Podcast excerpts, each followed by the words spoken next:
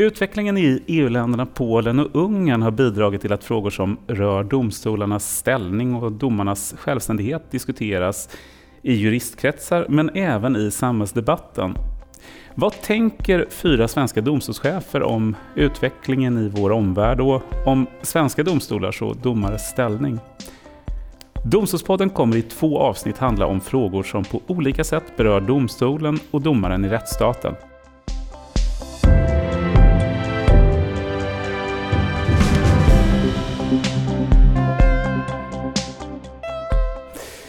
I detta, det första avsnittet, kommer vi framför allt ha fokus på domstolarnas ställning och med mig i studion, som idag är uppmonterad i eh, Högsta förvaltningsdomstolen i Stockholm, har jag Ylva Norling Jönsson, Helsingborgs tingsrätt. Välkommen till Domstolspodden. Tack så mycket.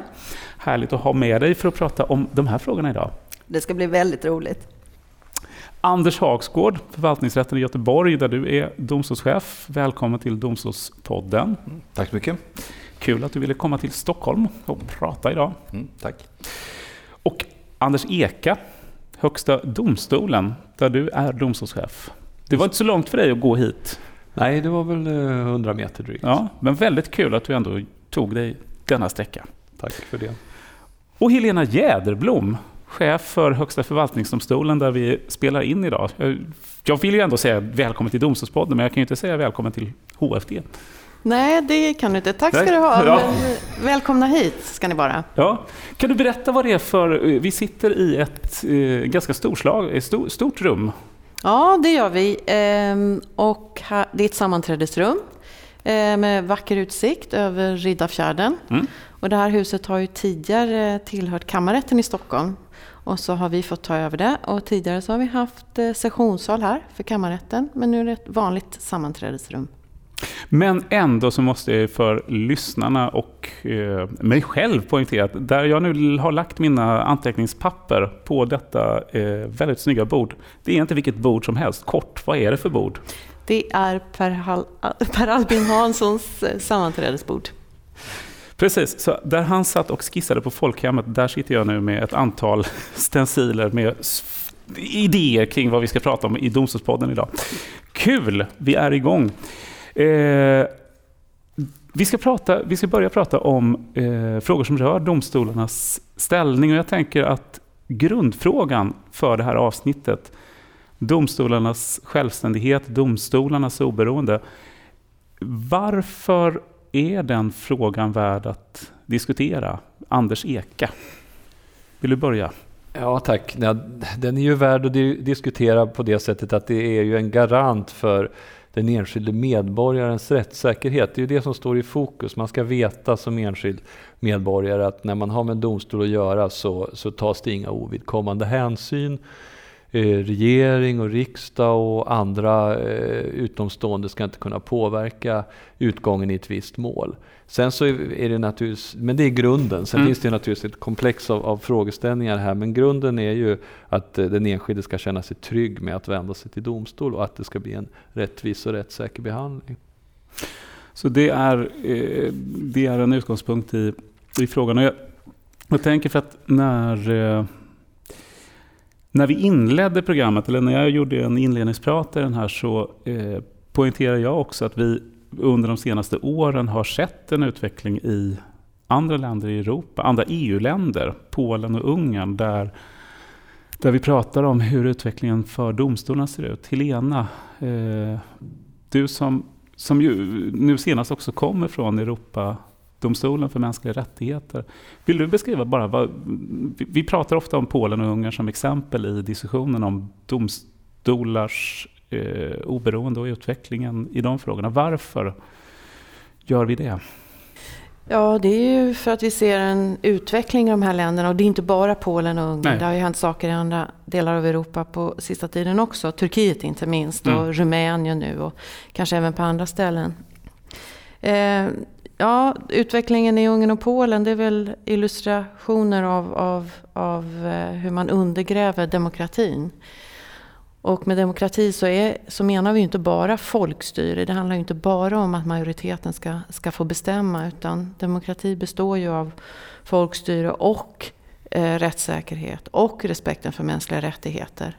Och när det eh, i Ungern och Polen och, och eh, även i Turkiet så kan man väl säga att man använder sig av de demokratiska verktygen för att undergräva eh, demokratin. Så det är en paradox i sig, men det, det är ju det som har hänt. Man har mm. starka eh, regeringar och, och, och, starka majoriteter i parlamenten då som kan besluta lagar helt enligt de demokratiska spelreglerna men som då undergräver det demokratiska systemet. Och en grundbult i det demokratiska systemet som väl alla är överens om är också domstolarna. Om man kort säger någonting kring hur, hur den utvecklingen i praktiken har drabbat domstolar och domare i Polen och Ungern. Vad är det, vad är det som har hänt Ja, i både Polen och Ungern så har man ju drabbats av, av eh, lagregler som innebär att man, man så att säga, förtidspensionerar domare. Så mm. domare då som inte betraktas som lojala med, med det nya styret har man då kunnat, i alla fall en del av dem, kunnat göra sig av med genom att sänka pensionsåldern. Eh, man har inga begränsningar när det gäller utnämningen av antalet domare. Man kan liksom besätta de här domstolarna med, med vilka människor man, man, man vill. Eh, I uh, Ungern så var det så att man upplöste den tidigare högsta domstolen och inrättade en helt ny, Kurian. Mm. Och det innebar bland annat att presidenten i den domstolen blev av med sitt jobb. Han fick senare jobba som ordinarie domare i Högsta domstolen men han blev av med sitt chefskap. Och där har vi då exempel på där eh, Europadomstolen har kunnat komma in och, och, och eh, döma då och döma på eh, förlåt, Ungern och säga att, att det är brott mot mänskliga rättigheter att avskeda en domstolschef på det där sättet. Man har kränkt hans yttrandefrihet och hans eh, rätt till tillgång till domstol. Han har alltså inte kunnat få mm. sitt avsked prövat i domstol. Och eh, när det gäller Polen så, så eh, har ju EU-domstolen börjat gripa in nu. Kommissionen har ju dragit Polen inför rätta, inför EU-domstolen. Och där har man nu fattat ett, eh, det var väl förra veckan, så fattade man ett interimistiskt beslut. Man bad Polen att, att genast återinsätta mm. de domare då som hade full, fallit för det här pensionsrepet och återinsätta dem. Och vad jag förstår så har väl det skett också. Eh, I alla fall så vet jag att den presidenten i polska domstolen, hon gick aldrig hem utan hon stannade kvar på sin post och där lär hon väl förbli då framöver. Tills EU-domstolen har, har sagt sitt. Mm. Så det finns i alla fall två europeiska domstolar som kan bevaka vad som händer eh, utifrån, ja, när det gäller EU-domstolen då, så kanske lite bredare perspektiv, men Europadomstolen då genom att de här domarna faktiskt kan komma och klaga, eh, framföra enskilda klagomål på hur de har blivit behandlade. Det finns andra exempel från från Ukraina också där domar har vunnit mål i, i domstolen som har gällt den här typen av avsättningar.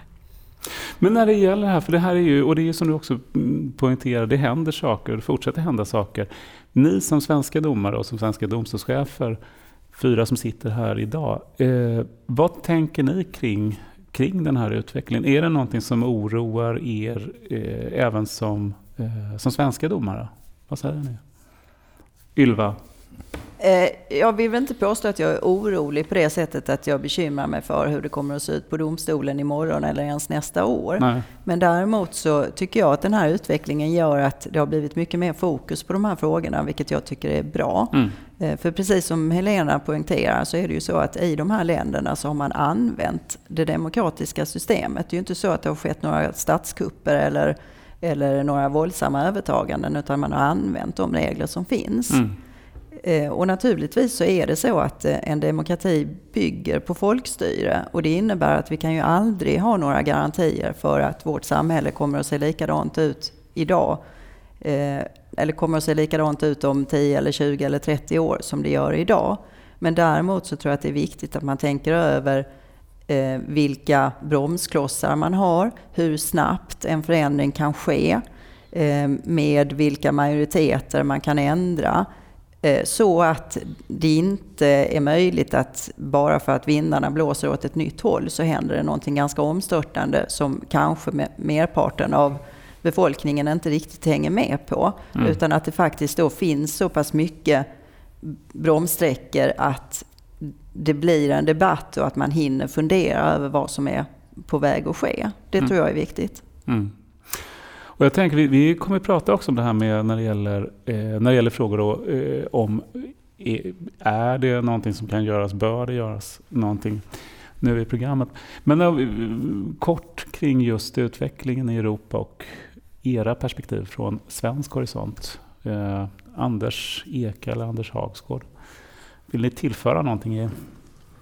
Nej, men, Anders Hagsgård. Ja, men jag brukar tänka på att som domstol, vi är väldigt mm. stora utbildningsanstalter. Alltså vi utbildar mm. många notarier och många fiskaler. Och det tycker jag är väldigt viktigt att vi som äldre domare så impar in rättsstatens principer i de här unga domarna och håller en levande debatt och diskussion om vad innebär egentligen en rättsstat? Vad är det för värden vi ska värna och stå upp för? Mm. Ja, det, det, håller jag verkligen med om och jag tror att eh, Eh, Eh, det är klart att när man, vi kommer väl till det som du nämnde, man, man får fundera på om det krävs eh, förändringar i vårt regelsystem och sådär. Men, men det man kan se också i de här, många av de här länderna, eller flera av de här länderna, till exempel Ungern, så har man ju i, i grund och botten haft ett, eh, ett system som har innehållit de så säga, ingredienser som behövs för att ha ett oberoende domstolsväsende. Man har, man har så att säga, byggt upp det i, när, när Ungern så att säga startade om efter, efter, efter murens fall. Liksom, så, har man, så har man byggt upp det på ett,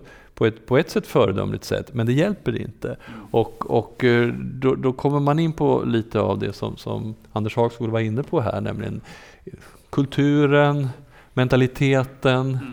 att det finns en levande diskussion om de här frågorna är ju också väldigt viktigt eh, att, att eh, hålla igång tankarna kring detta. Ja, det är bra. Och, det är, och om vi tar lite, en, en sak som har hänt eh, i år är ju att eh, riksdagen har kommit med ett tillkännagivande till regeringen eh, som, som handlar om vad som kan behöva göras för att eh, i framtiden ytterligare stärka domstolarnas och domarnas oberoende. Är det någon som vill eh, smasha på bollen med att kort förklara vad är det tillkännagivandet innehåller? Jag tittar här omkring mig för att se. Ja, Anders Eka, tack. tack. Annars, annars hade jag som programledare fått försöka stolpa mig igenom det. Det var skönt ja, att det blev... Kan vi börja med det? Ett tillkännagivande är ju ja. en, en lite speciell eh, figur så att säga i, i, i vårt konstitutionella system. Det är ju egentligen en eh, uppmaning som riksdagen riktar till regeringen att göra någonting. Regeringen ska ju styra riket och därmed eh, ta initiativ till olika åtgärder, till förändringar och, och, och förslag. Men riksdagen, det, det, det finns sedan gammalt en, en eh, möjlighet för riksdagen då att genom ett sådant tillkännagivande säga att nu tycker vi att regeringen ska göra någonting här. En slags uppmaning att, att agera och det har man gjort då i våras och det som är intressant med det är väl att det var en enig riksdag som ställde sig bakom detta. Det är kanske inte är så vanligt ändå och det skedde då i ljuset av det som, som har beskrivits här, utveckling bland annat i andra europeiska länder. Och tillkännagivandet går ut på att man uh, menar från riksdagsledamöternas sida att regeringen bör mer konkret och så bör man sätta igång ett utredningsarbete och se över en del av de här frågorna. Bland annat det som Helena var inne här på, reglerna kring pensionsålder, mm. antalet domare i domstolarna som man har, eh, har kunnat så säga, lite grann manipulera med i de här andra länderna och också eh, frågan om hur, dom, hur man ska så att säga eh, ha domstolsväsendets styrning organiserad? Ska man ha ett mer autonomt styrelsesätt? Alltså ett, ska domstolsväsendet vara mer självständigt i förhållande till framförallt regeringen? Och så finns det vissa andra frågor. Så att man kan väl förmodligen se framför sig att det kommer att någon gång under mandatperioden här tillsättas en, en kommitté som förhoppningsvis då får ett, ett lite bredare mandat att titta på de här frågorna i ett, i ett svenskt perspektiv. När det gäller dem, för det är precis som du pekar på här också, det är vissa, eh, vissa centrala frågor i tillkännagivandet. Det, när det gäller pensionsåldern, den är ju så vitt jag förstår så är den avgränsad just till justitierådens pensionsålder, väl? I det, i, i, i tillkännagivandet? Ja, ja. Så är det nog. Ja. Vad, vad, vad, tänker ni runt, runt bordet? Är det, här, är det här en viktig del när vi pratar om att eh, trygga och stärka oberoendet för domstolarna? Ja, det, definitivt ska jag säga. Det, det, är så att nu har vi ett gott väder i Sverige. Alltså ja. det, vi, vi, har ett system som fungerar mm. väl och liksom alla spelar sina roller. Men alltså det, ett system ska ju också hålla för ett sämre väder. Mm. Och det är väl det man försöker skapa nu och det är nu man ska ta och göra det när det finns tid. Mm. Ja. Mm. ja, Helena? Ja, jag håller helt med. Mm. Och eh, Anders eh, Hagskog, du var ju inne också på eh, eh vårt ansvar att utbilda eh, de yngre domarna internt i domstolarna. Och det håller jag helt med om. Men också det här, och, och även att ha en levande debatt mellan oss domare. Och som vi, som vi faktiskt har här nu ja, när jo, vi sitter jo. runt bordet. Det är ju viktigt. Men sen också tror jag att ett, ett, sånt här utredningsuppdrag, eh, det, det kommer ju leda till allmän debatt. Och det är väl jättebra. Att man gör det i ett tidigt skede, när vädret är bra. Mm. Ja, när vädret är bra, ja. ja. Ylva? Jag tror att det är viktigt att tydliggöra domstolarnas betydelse i samhället. Eh, för som vi pratade om då, att, och Anders Ekar var inne på det inledningsvis, att domstolarnas självständighet är ju själva grundbulten. Sen kan man ha en massa andra regler som till exempel då garanterar rätten till en rättegång, mm. rätten till eh, Eh, försvarare och sånt där. Men utan att ha självständiga och oberoende domstolar så spelar egentligen de andra reglerna inte så stor roll. Och allmänheten eller gemene man kanske inte alltid tänker på det där för det är trots allt en ganska liten del av befolkningen som någonsin kommer inför en domstol. Vare sig i brottmål eller i tvistemål eller i förvaltningsmål. Men eh, det domstolarna gör är ju ändå styrande för alla. Eh, många domslut får stor betydelse och blir sen handlingsstyrande. Eh, och då är det också för den person som aldrig någonsin själv hamnar inför en domstol väldigt viktigt att vi kan lita på både att domstolarna är självständiga i förhållande till riksdag och regering men också att de är fria från korruption. Att motparten inte heller kan köpa sig en viss utgång. Så den här eh, diskussionen är väldigt viktig och den ska ju som ni andra påpekade föras i en tid av lugn och kanske inte i en tid av oro. Den där tycker jag är intressant också. Jag tänker om man då ser både det ni pratar om eh, när vi pratar om svenska förhållanden men också internationellt sett i, i de EU-länder som, eh, som nu har upplevt saker i Ungern och Polen med, med ganska kraftiga förändringar och inskränkningar. För det här är någonstans med att, att man från allmänheten också, domstolarna är ett fundament, oberoende och självständiga domstolar är en förutsättning för en sund demokrati. Men i de länder där detta har hänt, har det varit något engagemang för just frågan om att Domstolarna har varit hotade. Eh, det jag far efter är egentligen också den här frågan. Finns det ett allmänt engagemang just för do, oberoende domstolar eller är det andra frågor som engagerar när det gäller rätts... Anders Eker, det ser ut som att du vill gå in i frågan. Nej, jag har ju bara följt det här på, på, på avstånd genom ja. medierapportering och så. Men jag vet ju att i Polen har det varit eh, ett, ett, en ganska stor folklig samling med protester, inte minst den här senaste reformen som ju, som ju nu då eh, kanske eh, Eh, har fått en temporär liten paus här i vart fall genom EU-domstolens ingripande. Men där har ju eh, människor demonstrerat på gatorna utanför Högsta domstolen. Och, och så att det är klart, eh, sen hur stor andel av befolkningen som har gjort det och, och, och, och så. Men det har i alla fall varit ett, ett folkligt eh, engagemang för det som ju, som jag tror har betytt väldigt mycket för de domare som, som har så att säga drabbats av det här. För det har nog varit en mycket pressande situation för domare både i Polen och Ungern eh, under senare år. Mm. Ylva? Eh, jag tror att utvecklingen i USA också har gjort att eh, många har fått upp ögonen för vilken betydelse som domstolar kan ha. Mm. Där har ju domstolarna trätt in och vidtagit olika åtgärder som har fått direkt betydelse. Och det tror jag faktiskt har spett på diskussionen en del. Mm. Ja, Helena? Ja, jag tänker också på Turkiet. Eh, mm. och där är det förstås också så att folk är upprörda över vad som händer. Många människor är ju det. Men där får det ju så omedelbara konsekvenser om man visar sig vara illojal mot regeringen på något sätt så är det lätt hänt att man blir fängslad. Jag tror att det är över 4 000 domare som sitter fängslade där och journalister som skriver om, om samhällsutvecklingen. De, sitter, de blir också fängslade. Och lärare på universitet och så vidare. Så där, där, där kan man inte ens visa sitt folkliga missnöje. Och det är alltså ett land som var på väg att segla in i EU, ett kandidatland mm. till EU. Som bara för några år sedan såg ut och, och, och var på väldigt ja. god väg. Och sen händer saker snabbt. Sen händer saker väldigt snabbt. Ja. Eh, jag tänker vi det var jag som drog iväg oss ut i, i eh, omvärlden. Om vi går tillbaka till svenska förhållanden och eh, och tillkännagivandet. Anders Eker, du var inne på vilka ben det här tillkännagivandet vilar på. Det är bland annat frågan om justitierådens pensionsålder och antal. En annan fråga som träffar Högsta domstolarna är möjlighet för de högsta domstolarna att sammanträda i särskild sammansättning. På ren svenska, vad betyder det Helena?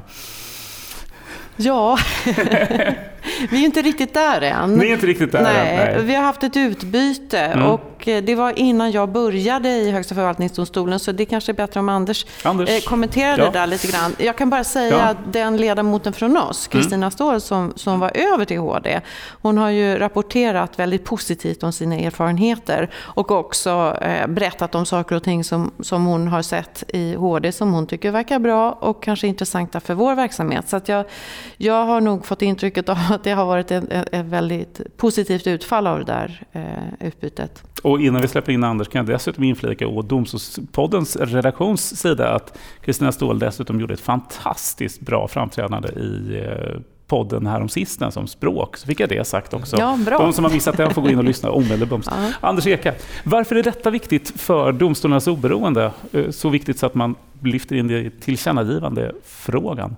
Ja, det är en bra fråga. Alltså, man kan säga att det är lite ett annat spår. Mm. Eh, men precis som Helena säger, 2011 så öppnade ju regeringsformen för ett utbyte, eller för ja, inte för ett utbyte kanske vi använder det som ett utbyte, men för mm. möjligheten för domare i de båda högsta domstolarna att tjänstgöra i varandras domstolar. Eh, och det har vi då utnyttjat på det sätt som Helena beskrev. Men sen har det funnits tankar att eh, säga, vidareutveckla detta. Och, eh, och då skulle man alltså eh, bygga ut det här systemet och skapa en en möjlighet för de högsta domstolarna att sammanträda i en slags gemensam kammare. Jag tror idén kommer ursprungligen från eh, förre hovrättspresidenten Johan Hirschfeldt som har lanserat den och, och den har diskuterats i några debattartiklar. Och en tanke eh, har väl varit att eh, det finns en del så säga, eh, gränsöverskridande frågor, om man får kalla det så. Princip, principiella frågeställningar som kommer upp i de båda domstolarna och där man inte vill hamna i det läget att, att man inte får så att säga, ett gemensamt eh, ställningstagande som går i samma riktning. Vi hade för några år sedan en, mål som handlade om dubbelbestraffningsförbudet som ju verkade både så att säga, på brottmålssidan men också när det gäller skattetillägg. Och det var i grunden samma eh, eh Europarättsliga eh, reglering som vi tillämpade i de båda domstolarna. Nu, nu kom vi till samma resultat så att säga i den bedömningen. Men Eh, Eh, så, så, det är ett perspektiv av det, att, att, vi har två domstolar som teoretiskt sett skulle kunna komma till andra till, till olika resultat. Men jag tror också bakgrunden eh, till det är också det att, att eh, vi ser ju kanske mer och mer att vi får frågor som ligger så att säga på ett övergripande plan där, där som det kan finnas skäl att, att eh, kanske ta ett auktoritativt ställningstagande till i en sån i en sånt eh, organ. Alltså man tänker sig just regler som handlar om Europakonventionen mm, till mm. exempel. Mm. Som, men det här är väl inte tankarna färdigtänkta på utan det här är väl meningen att det ska utredas och att man ska fundera på. Jag kan tänka mig att det är vissa som också tänker sig att, att en sån här eh, gemensam kammare också skulle kunna ha någon slags funktion som någon slags mini-konstitutionsdomstol. Jag vet inte, det har ju lyfts fram i debatten men det spännande är ju att, att det vore väldigt intressant att titta på den här saken så får man väl se vad, vad, vad, vad om, om det finns behov och om det är en bra mm. lösning. Och jag måste fråga här också Anders Hagsgård och Ylva. För att när det gäller de här två delarna i tillkännagivandet så i mina öron så låter det ändå som att här tar man fasta på frågor som rör de högsta domstolarna. Det är justitieråden och det är den eh, särskilda möjligheten till sammanträda i särskild sammansättning. Eh, känner ni er exkluderade när det gäller tillkännagivandet från underrättshåll? Eller hur, hur träffar det, eh, allvarligt talat, alltså hur träffar det här tillkännagivandet hela Sveriges domstolar? Anders Hagsgård? Alltså, vi pratar ju mycket om rättssäkerhet och ett, för mig ett av de viktigaste momenten i rättssäkerhet det är en enhetlig förutsägbar rättstillämpning. Och det kan vi ju underinstanserna brottas med att eh, liksom, det finns ingen eh, praxis från överrätten utan underrätterna har olika praxis. Och här eh, finns det möjlighet att skapa då en enhetlig förutsägbar rättstillämpning. För att alltså, har man två olika instanser som kommer till olika slutsatser så skapar en väldig rättsosäkerhet. Så det här tror jag är bra för hela systemet för att överrätternas uppgift är ju att ge oss som jobbar i underinstanserna vägledning. Mm. Så där skulle vi kunna ge en bättre och mer enhetlig vägledning. Mm. Mm. Ylva, mm. vad tänker du, alltså om, man, om man ser tillkännagivandet för vad det är och det är ju, det är ju en, en del i det vi pratar idag, om idag när det gäller eh, självständighetsfrågorna för domstolarna. Men saknas det saker? Finns det saker som, eh, som du tycker det här, är, det här borde man också ha tagit med när man, när man pratar om att på sikt stärka domstolarnas oberoende? Jag, jag, tycker att det här tillkännagivandet är väldigt viktigt mm. och jag ser framför mig att man tillsätter eh, en kommitté som har möjlighet att titta på eh, de här frågorna ganska brett och då tror jag att man kan få in det som behövs. Eh, men sen är det ju inte bara de här två frågorna utan en annan viktig fråga det är ju också den administrativa styrningen av domstolarna. Och den är ju väldigt central och har stor betydelse även för underrätterna. Och då får du utveckla lite. Det är dessutom så, här sitter jag ju och jobbar på dom, Domstolsverket som ju i allra högsta grad är en del av den administrativa administrativa stödet. Men eh, varför är frågan viktig? Vad tycker du eh, är viktigt från, från ditt perspektiv som domare och domstolschef framöver? Mm. Eh, det som eh, sägs i det här tillkännagivandet är ju att man ska titta på den administrativa styrningen av eh, domstolarna. Och I Sverige så har vi ju Domstolsverket som är ett serviceorgan till Sveriges domstolar. Eh, och eh, det leds av en generaldirektör som då svarar direkt inför regeringen. Domstolarna är självständiga och det är också inskrivet i grundlagen att ingen får tala om för en domstol hur den ska döma i ett enskilt fall eller en enskild domare hur den ska tillämpa en speciell rättsregel. Men sen är det såklart så att eh, den som har möjlighet att eh, styra administrationen eh, och det viktigaste där är ju resurstilldelningen. Den kan ändå påverka indirekt. Genom att ge resurser för olika projekt och, och olika stöd så kan man naturligtvis påverka. Och det är därför den här frågan kommer upp.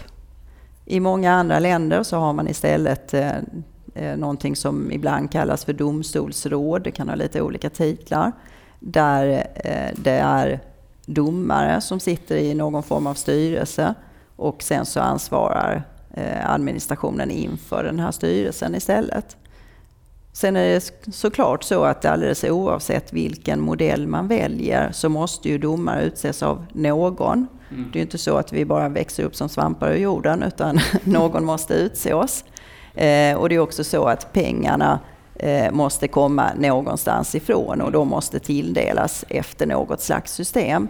Och då kan man tycka att det här kanske bara är en lek med ord. Har det verkligen betydelse om det här kommer från regering eller från riksdag? Eh, om vi nu låter lite fler domare sitta i någon form av styrelse, har det någon betydelse? Alla kloka generaldirektörer lyssnar naturligtvis på, på domarna också. Men jag tror att det har det. Jag tror att det här är en principiellt viktig diskussion som bör föras. Och om du kokar ner det till hur, hur skulle du, om du fick önska, hur skulle du vilja ha det? Vill du säga det? Eh, det är klart att jag kanske har någon tanke om det här, men jag tycker också att eh, eh, den här frågan är alldeles, alldeles för viktig för att bara kasta ut sig någonting i radio, utan man bör ha en, en ganska så djup, genomgripande diskussion om det här. Och det, det gör sig ju väldigt bra i en utredning där man har kloka människor som sitter och kan bolla det här lite längre än vad man gör i ett radioprogram. Mm. Och där, för den frågan just om om Domstolsverkets organisation, styrning och roll. Är det, eh, är ni överens om att den är, att den är så pass viktig så att den bör finnas, att det, att det är bra att den finns med i tillkännagivandet också? Anders Hagsgård? Ja, men det, det, är ju så att Domstolsverket har en oerhört central roll. Och, och idag så har jag påstå att alla domstolar har en väldigt bra relation med Domstolsverket så att det, det fungerar väl. Mm. Men det är samma sak som vi pratade om förut. I, i, i andra tider så, så kanske det ser helt annorlunda ut. Och då vore det väldigt bra att man hade en annan organisation när det gäller eller, Domstolsverket. Mm. Jag tror ju att Nej, men man kan ju, om man ska ge något exempel så kan man ju... Det är ju så att eh, generaldirektören då som, som, som eh, nämndes här utses ju av regeringen och eh, sen, har, sen generaldirektören har ju en, en, stor makt. Det här är en så kallad enrådighetsmyndighet. Det finns ingen styrelse eller någonting utan det är egentligen ja, generaldirektören bestämmer. Sen finns det ett insynsråd men det är egentligen bara en rådgivande organ. Så att det, det, är en myndighet med mycket makt hos generaldirektören. Och om man tar ett exempel, min lön till exempel eh, bestäms ensidigt av generaldirektören. Och det tror jag i ett internationellt perspektiv så tror jag att det, skulle vara ganska uppseendeväckande att du har en, en eh, en sån. Och det är klart man kan tänka sig att om det nu eh, skulle vara en regim som, som inte tycker att, det är så, att Högsta domstolen dömer så bra som man vill, så kan man ju tänka sig att, att löneinstrumentet är, en, är någonting man kan använda till exempel. Så att, eh, det, det, är väl en sån, eh, ett exempel på hur, nu, nu är det inte så på något sätt att detta har missbrukats, mm. det ska ju verkligen framhållas. Mm, mm, mm, och jag tror som sagt att den generella uppfattningen är att Domstolsverket fungerar bra och eh, Eh, och, och, och, och, ger god service till domstolarna. Men, men om man liksom börjar granska det lite närmare så finns det en del inslag som, som vore bra om man kunde komma till rätta med. Mm. Ylva? Eh, Domstolsverket inrättades ju någon gång på 70-talet. 75? Och, 75. 75. Och innan dess så skötte varje domstol sig själv. Och det är klart att vi i en allt mer digital tid och med allt mer teknik och och allt mer komplicerade system inte kan göra det längre utan det behövs absolut någon som kan samordna de här stora satsningarna som måste göras. Eh, men samtidigt så har vi, kan, har vi sett på senare år hur eh, Eh, politikerna har allt mer velat eh, till exempel styra hur domstolarna dömer i brottmål, till exempel genom att trycka ihop eh, strafflatituder så att det inte finns ett lika stort spelrum längre när vi ska mäta ut straffet för ett visst brott, utan man har försökt att göra det lite mer schematiserat där man då kan lägga in det i olika sjok. Och om man då samtidigt har tillgång till en servicemyndighet och då genom den här servicemyndigheten kan styra var vi lägger teknikutvecklingen. Lägger vi den bara på brottmål? Lägger vi mycket pengar på migrationsmålen? Eh, utvecklar vi teknik eh, där vi har nomenklaturer, där vi använder vissa uttryckssätt och det är svårt för domaren att eh, skriva i fritext och, och uttrycka sig på ett annat sätt, så kan det naturligtvis bli handlingspåverkande. Sen håller jag med alla andra att det fungerar väldigt bra idag, men det hindrar ju inte att vi kanske ändå bör bygga oss starka för en framtid. Mm. Nej, och vi får, vi, det är som sagt, den här frågan ligger ju, precis som ni varit inne på allihopa också, nu, nu är tillkännagivandet, det gjordes i våras, eh, får se vad det tar vägen, men det, det är eh, intressanta frågor. Eh, och jag tänker här att när den här, den här diskussionen som i, i mångt och mycket eh, handlar om oberoende självständighet, när den eh, hörs, när den förs, det här är den ena delen. En annan sak i diskussionen som jag, eh, som jag tycker man märker är att i alla fall i juristkretsar att man pratar om svenska domstolars och domares makt också. Och som jag förstår det så ligger det i diskussionen en, eh, en fråga om politiken i förhållande till juridiken. Hur, vad, vad tänker ni när vi börjar prata om just frågor om domstolar och domares maktförändring över tid? Vem, Ylva hugger på, som en kobra på den här frågan. Ja, men det gör ja, jag. Ja, det är bra. Jag, jag, jag, tycker att den eh, frågan är väldigt spännande. Ja. För att eh, i ett internationellt perspektiv, och nu får Helena rätta mig om jag har fel här, men så tror jag att eh, domstolarna har större makt än vad, vad vi har i Sverige. Vi har en tradition där vi inte vill prata om domstolarna som den tredje maktfaktorn. Eh, alla är nog överens om att vi har eh, regeringen som är den verkställande och vi har riksdagen som är den lagstiftande. Och I många andra länder så talar man om den tredje maktfaktorn som är den dömande. Mm. Eh, men i Sverige så har man ofta velat använda media som, som är den tredje, granskande ja. Ja. makten. Och domstolarna har lite mer betraktats som en myndighet vilken som helst.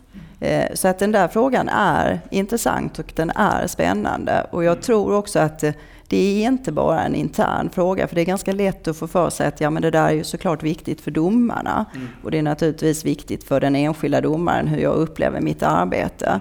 Men det har stor betydelse även för medborgaren, även om man kanske inte tänker på det varje dag. Mm. Mm. Helena, det ser ut som du jag också vill hugga du, in. Du hugger, ja. ja. ja eh, nej, men det, jag håller helt med vad Ylva säger. Och det, mm. och det är ju så, vårt, vår demokrati är ju uppbyggd på det sättet att det är, det är folkstyre, det är det som gäller så att mm. säga. Eh, men visst, visst har väl domstolarna i Sverige också en stor betydelse som en balanserande eh, maktfaktor i det där. Det är väl helt klart. Och jag tror också att vår makt på sätt och vis har ökat eh, på senare tid. Eh, jag tycker att domarutnämningar, öppenheten kring domarutnämningar, kallelsetjänster till exempel är borta. Det är väl klart att det, det har betydelse. Eh, europeiseringen har betydelse. Vi sitter och tillämpar eh, bestämmelser som, som eh, riksdag och regering kanske, de har ju varit med och, och, beslutat förordningar och direktiv i EU. Men i slutändan så är det vi domstolar som, som tolkar och tillämpar dem med hjälp av EU-domstolen. Så där har ju domstolarna, vi och eh, EU-domstolen tillsammans mm. fått ganska mycket makt måste man väl säga. Och sen eh, Europadomstolen också med, med, med eh, som tolkar fri och rättigheter och som vi numera också då i svenska domstolar tillämpar direkt med stöd av den praxis som har utvecklats i Europa. Jag tycker nog att, att, att det sammantaget gör att vi har fått mer makt. Sen har Möjligheten ändrats lite grann. Vi har, vi har tagit bort uppenbarhetsrekvisitet. Så normprövningen kan, kan ju bli lite mer naturlig att utföra i domstolar och det tror jag den har gjort också om man ser till antalet eh, situationer där man har tillämpat det. Så jag tycker nog att vi har fått mer makt Eh, sen är det ju så att vi fortfarande är, är, eh, vi dömer efter de lagar som stiftas av riksdagen och som, som förbereds och föreslås av, av regeringen. Men det där med hur vi ser på förarbeten och hur vi tolkar rätten mm. kanske kan eh, förändringarna i, i, i, i sättet att utnämna domare ha en viss betydelse. En viss förskjutning när det gäller det där också. Om inte lika många kommer direkt från regeringskansliet. I alla fall bland kallelsetjänster och så vidare. Kanske har en viss betydelse. Så att vi, så att säga, domstolarna har dragit åt sig lite mera egen makt. När det gäller områden, ja Anders? Jo, men ibland tycker man också upp en bild av att domstolarna skulle ha tagit åt sig mera mm, makt. Mm. Och det, och det, Vad är det som har hänt? Så? Nej, men utan det är nog så, som Helena inne att domstolarna har, har, fått mer makt. Man kan ju se på stora områden som migrationsrätt och, och, och mark och miljöfrågor. Mm frågor som regeringen tidigare hade större makt då, eh, över, de har man lämnat över till domstolarna. Stora infrastrukturprojekt prövas nu i domstol. Mm. Migrationsfrågor är helt i, i domstol. Så att eh, domstolarna har fått mer makt genom politikerna. Och ett färskt exempel är barnkonventionen som blir, blir lag 1 januari 2020. Mm. Och där inkorporerar man en konvention som har rätt öppna normer och där, där sker det maktförskjutning. Där lämnar man över rätt stor makt till domstolarna att tolka den här konventionen så länge man inte transformerar befintlig lagstiftning. Kan, man från, kan du som domare och som domstolschef, kan du ha någon liksom teori om varför gör man på detta sätt från, från politiskt håll? Alltså man, man lämnar över makt eh, i praktiken.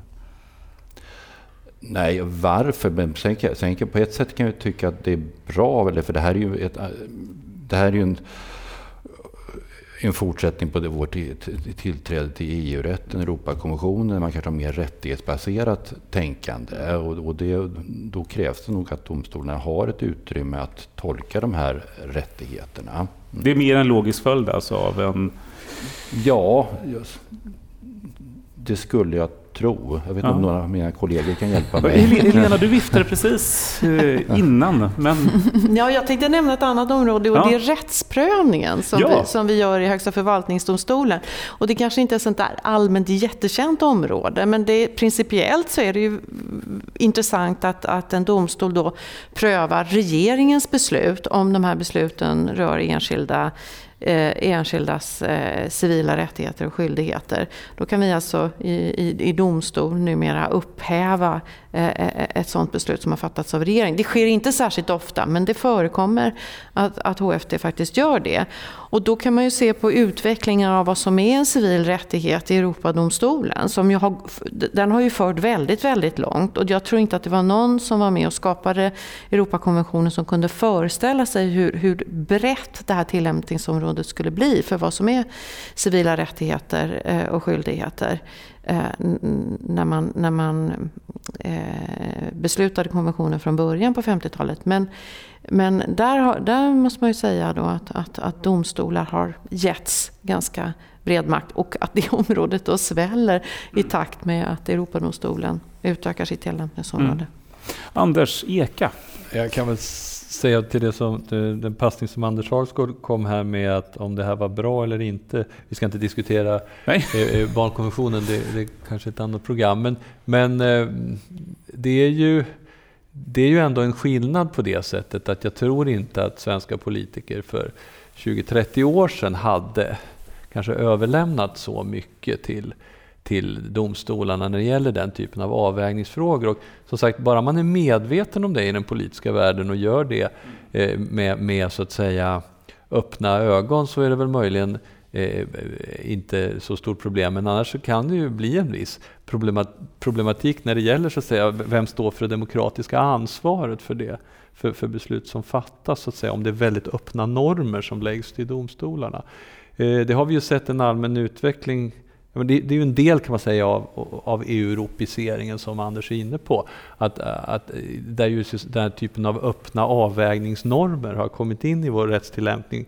Eh, vi har till exempel mycket vanligare att vi gör olika professionalitetsavvägningar i domstolarna nu. Vi väger för och emot och vi, vi, vi, vi eh, på ett sätt som, dom, som, som, som jag tror att lagstiftaren gjorde förr så att säga. Och så gav lite mer precisa regler till domstolarna att, att förhålla sig till. Och det där hänger ju också samman med eh, frågan eh, hur mycket hinner lagstiftaren med? Och, och, det förhållandet att vi nu EU-rätten ställer ju stora krav på en lagstiftare att, att eh, införliva och genomföra lagstiftning eh, på olika områden. Och eh, det är klart, det tar mycket kapacitet och om man Eh, går tillbaka i tiden så hade man kanske möjlighet att ägna sig åt mera breda lagstiftningsprojekt eh, i, i regeringskansliet som jag tror är svåra att göra nu. Och det lämnar också eh, så att säga, luckor som, som innebär att vissa frågor, ibland ganska stora principiella frågor, hamnar hos domstolarna eh, som ju naturligtvis alltid måste ta i frågan. Domstolarna kan ju inte säga nej, vi har inte lust att ta upp den här. Utan sitter man där med ett mål så måste man ta ställning till det, även om, man inte, även, även om det är svårt så att, säga, att, att veta exakt vilket, vilket regelsystem man ska, man ska utgå ifrån. Mm. Nu, Anders Hagsgård, du vill...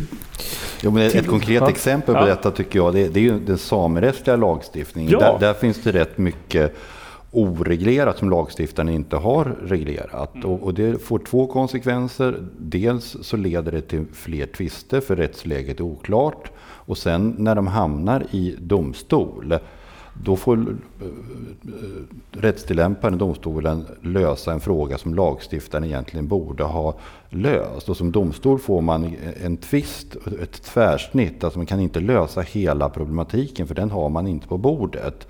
Så därför kanske man inte alltid gör en riktigt bra lösning, en sån lösning som lagstiftaren kunde ha gjort som har helhetsgreppet. Så att det här och, det är också det att domstolen kan inte vägra att eh, ta ett mål, utan får man det, då får man lösa det så gott, så gott man kan inom givna ramar. Ja, och här läser jag in att du då egentligen skulle önska att lagstiftaren tog ett större Ja, på, på, det, på det området så tror jag... När det gäller samerättsliga sam, ja, där, ja. Jag tror definitivt att det skulle bli en, en, bättre lösning för samhället om lagstiftaren gjorde det. Mm. Ylva? Mm. Och då skulle jag vilja flika in lite civilrätt i det här ja, sammanhanget också. Vad trevligt. mm. Det är ju så att lagstiftaren är ganska upptagen av eh, olika propåer som eh, kommer från Europarätten där vi helt enkelt är tvungna att göra olika saker. Eh, och lagstiftaren är också ganska upptagen av straffrättens område där det helt enkelt är så mycket politiska frågor, eller man uppfattar att det finns så många politiska frågor. Eh, och därför så tror jag att eh, många jurister känner att civilrätten ofta lämnas utanför. Och då blir det, precis som många har nämnt här, så att till slut så kommer ett mål upp till Högsta domstolen och så måste man helt enkelt eh, fatta ett, eh, ett beslut. Men där är det ju en fråga som är uppe Eh, och Högsta domstolen kan inte som en utredning i ett lagstiftningsärende sätta ihop en stor grupp med experter från olika håll som sitter och vänder och vrider på olika frågor i ett år. Funderar över att om vi gör den här ändringen, vilka följdändringar måste vi i så fall göra? Vad får det här för effekt på andra områden? Och någonting som inte är minst viktigt, Högsta domstolen kan definitivt inte skicka ut sitt lagförslag på remiss vilket ju en utredning gör. Och på det sättet så får man möjlighet att, att lyfta frågorna, visa att vi tänker så här och så här. De här eh, sakerna talar för, de här sakerna talar mot. Vi har gjort de här övervägandena och föreslår den här lösningen. Det kan man naturligtvis inte göra. Så att eh, därför så tror jag att eh, lagstiftaren ibland missar en del möjligheter genom att inte ta i alla frågor. Mm. Jag skulle, och det här är eh, frågan om, om eh, makt och förskjutning från politik till juridik eh, är spännande. Jag skulle vilja fråga en sak. Eh, en företeelse som lite har blivit ett rubrikord eh, på senare tid, lagprövning. Vi har sett den här frågan när vi har pratat om eh, den så kallade gymnasielagen, vi har sett den när det gäller vapen, vapenlagen. Vad är lagprövning för någonting? Om vi tar pedagogiskt för de lyssnare som inte har råkoll, och dessutom jag som inte heller har råkoll. Vem, vem vill vara så vänlig vid Per Albin Hanssons bord att förklara detta? Det är när, Anders en, dom, ja, det är när, när en, en, domstol prövar om, eh, kan säga, om en lag mm. stämmer överens med grundlagen. Alltså man, man, prövar om en norm stämmer överens med en högre norm. Mm. Och eh, stämmer den inte överens med en högre norm, ja då underkänner man den normen man ska tillämpa. Mm. Och detta kan man göra som eh, underrättsdomare, alltså i tingsrätt och förvaltningsrätt också. Eh, ja, det kan man göra. Använda. När, när jag placerar in det i det här sjoket, när det handlar om domare, domstolar och makt, är det korrekt? Kan man tala om att det här är som ett, eh, som ett exempel på att, att domare har makt? Eller hur ska man se det? Men, men jag skulle säga att lagprövningsrätten är ju ett värn för den enskilde. Man ska, man ska se till att de lagar som stiftas står i överensstämmelse med högre norm, att de står överens med grundlagen. Och har någon fått sin rätt enligt grundlagen inskränkt, då är det min uppgift som domare att se till att man får ut den rättighet man har. Mm. Anders Eka? Det, det finns ju en, en viktig koppling mellan det, det som vi var inne på inledningsvis här med i domstolarna och domarnas oberoende. För man kan ju säga att ibland när det kommer upp den här typen av eh, lagprövningsfrågor, då ställs liksom oberoende frågorna på sin spets. För många gånger kan det vara eh, starka politiska viljor och intressen att genomföra en viss lagstiftning. Och, eh, och om då eh, frågan kommer upp och den här lagstiftningen ifrågasätts för att den inte har tillkommit i rätt ordning eller den inte står i, i överensstämmelse med någon överordnad bestämmelse.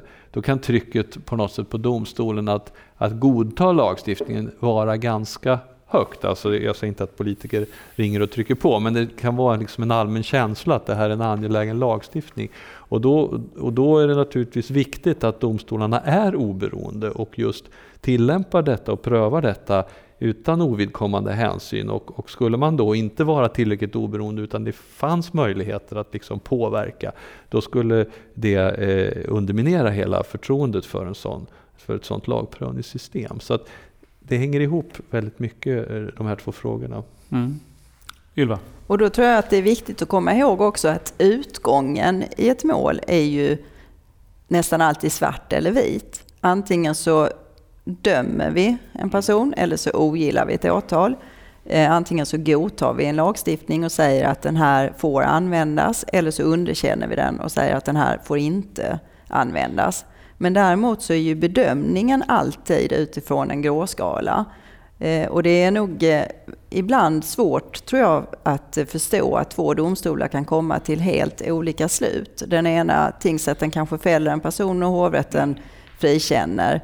Eh, en domstol tillämpar gymnasielagen, en annan domstol tillämpar inte gymnasielagen. Men då måste man komma ihåg att det går ju en gräns någonstans och befinner man sig på den ena sidan så blir det ja, befinner man sig på den andra sidan så blir det nej. Men bedömningen är ju nästan alltid väldigt grå så att jag tror att eh, de här domstolarna har ofta legat väldigt nära varandra i bedömningen. Det är bara det att någonstans så går den här linjen. Eh, I ett mål där en domstol fäller och en annan domstol ogillar så har nog eh, diskussionerna legat väldigt nära. Och på samma sätt att eh, när man tycker att man kan tillämpa gymnasielagen eller inte kan tillämpa gymnasielagen så har ju båda domstolarna tyckt att lagstiftningen är problematisk. Mm. Den är inte idealiskt beredd. Här är olika problem, men man bestämmer sig för ett ja eller nej. Så att det, det är ju oftast inte så att två domstolar gör helt olika bedömningar utan man gör ofta en väldigt lik bedömning men däremot så blir utgången olika. Ja, och Helena? Ja, jag bara tänkte säga om, om, om just normprövningsrätten att det, det, är ju viktigt att det finns något organ, i det här fallet då ja. domstolar, som faktiskt kontrollerar att, att eh, de som, som lagstiftar eller fattar beslut om normer på olika nivåer, det kan vara lokala trafikföreskrifter, det kan vara regeringens förordningar och riksdagens lagar i förhållande då till de högre normerna, att, att, att de har fattats på ett korrekt sätt och att det, att det inte strider då mot en, en, en annan regel. Så att när man har de här konflikterna, att det finns något som löser det. Och det är väl ganska självklart att det ligger i domstolarna i rättstillämpning att göra det. Så det är, det är ju vad vi gör i Sverige. Vi har ju inte konstitutionsdomstolar, vi har inte möjlighet att gå till en särskild domstol och, och be dem titta på om, om en, en lag är grundlagsenlig ovanlig eller, eller ligger rätt i normhierarkin. Utan det här gör vi ju när vi, ti vi tillämpar reglerna på de fall vi har framför oss. Vi ska lösa dem och då gör vi den här eh, kontrollen. Så, det, så vi har ju det systemet att det flyter in naturligt i den vanliga rättstillämpningen. Vanliga ja. Ja. men vi är grundlagens väktare. Vi ska se Absolut. till att, att grundlagen upprätthålls i, mm. i det dagliga dömandet. Ja, eller överhuvudtaget mm. normhierarkin. Mm. Mm. Och det kan ju vara väldigt, alltså det är, det, det är ju inte så vanligt att vi tillämpar eller använder använder oss av Nej. den här möjligheten. Men, men det kan ju som sagt ske på alla nivåer. Man kan se en lokal uh, trafikföreskrift som inte hade beslutats på rätt sätt eller, eller, eller sådär. Så att, uh, det är väl lite skillnad jämfört med om man sitter och tittar på gymnasielagen och uttalar sig om den överhuvudtaget går att tillämpa eller inte. Det, är liksom, det, det kan spänna över ett väldigt, väldigt brett fält. Anders Eka. Man kan väl säga då också bara att de här fallen som vi pratar om nu, de illustrerar ju också eh, vikten av att, att beredningen av lagstiftningen är så, så att säga, noggrann och, och, och rigorös som möjligt. För att, eh, och, och, det är kanske ett annat program att prata om lagrådets roll och så. Men eh, det, det, visar ändå, eh, för att om man noggrant eh, granskar lagförslagen och, och eh, eh, går igenom dem på, på ett sätt och, och då också granskar förstås förhållandet till överordnade normer och grundlagar. Så, så kan man ju i många fall undvika problem. För att effekterna blir ju väldigt stora om man hamnar, det är ju ingenting eftersträvansvärt att hamna i ett läge där en lagstiftning underkänns som får väldigt stora konsekvenser och drabbar många människor positivt eller negativt. Det skapar en rättsosäkerhet i sig.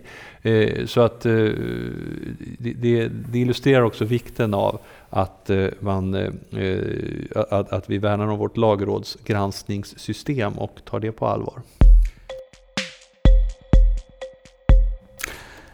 Tack. Och med de avslutande orden i den här delen eh, av diskussionen så tar vi en, eh, sätter vi punkt på det första avsnittet av eh, två om eh, domstolarnas ställning, domarnas och domstolarnas oberoende. Och jag vill så här i slutet av det första avsnittet tacka Anders Eka, Högsta domstolen, för att du var med och pratade om domstolarnas ställning. Tack själv. Ylva Norling Jönsson, Helsingborgs tingsrätt. Tusen tack för att du var med och pratade om domstolens ställning. Tack. Och vi hörs snart igen här också. Det gör vi. Ja. Anders Hagsgård, Förvaltningsrätten i Göteborg. Tack så mycket för medverkan i den första delen. Tack. Och Helena Jäderblom, Högsta förvaltningsdomstolen. Tusen tack. Tack. Eh, Domstolspodden kommer snart gå över i diskussionen om domarens självständighet. Det får ni höra mer om i nästa avsnitt av Domstolspodden.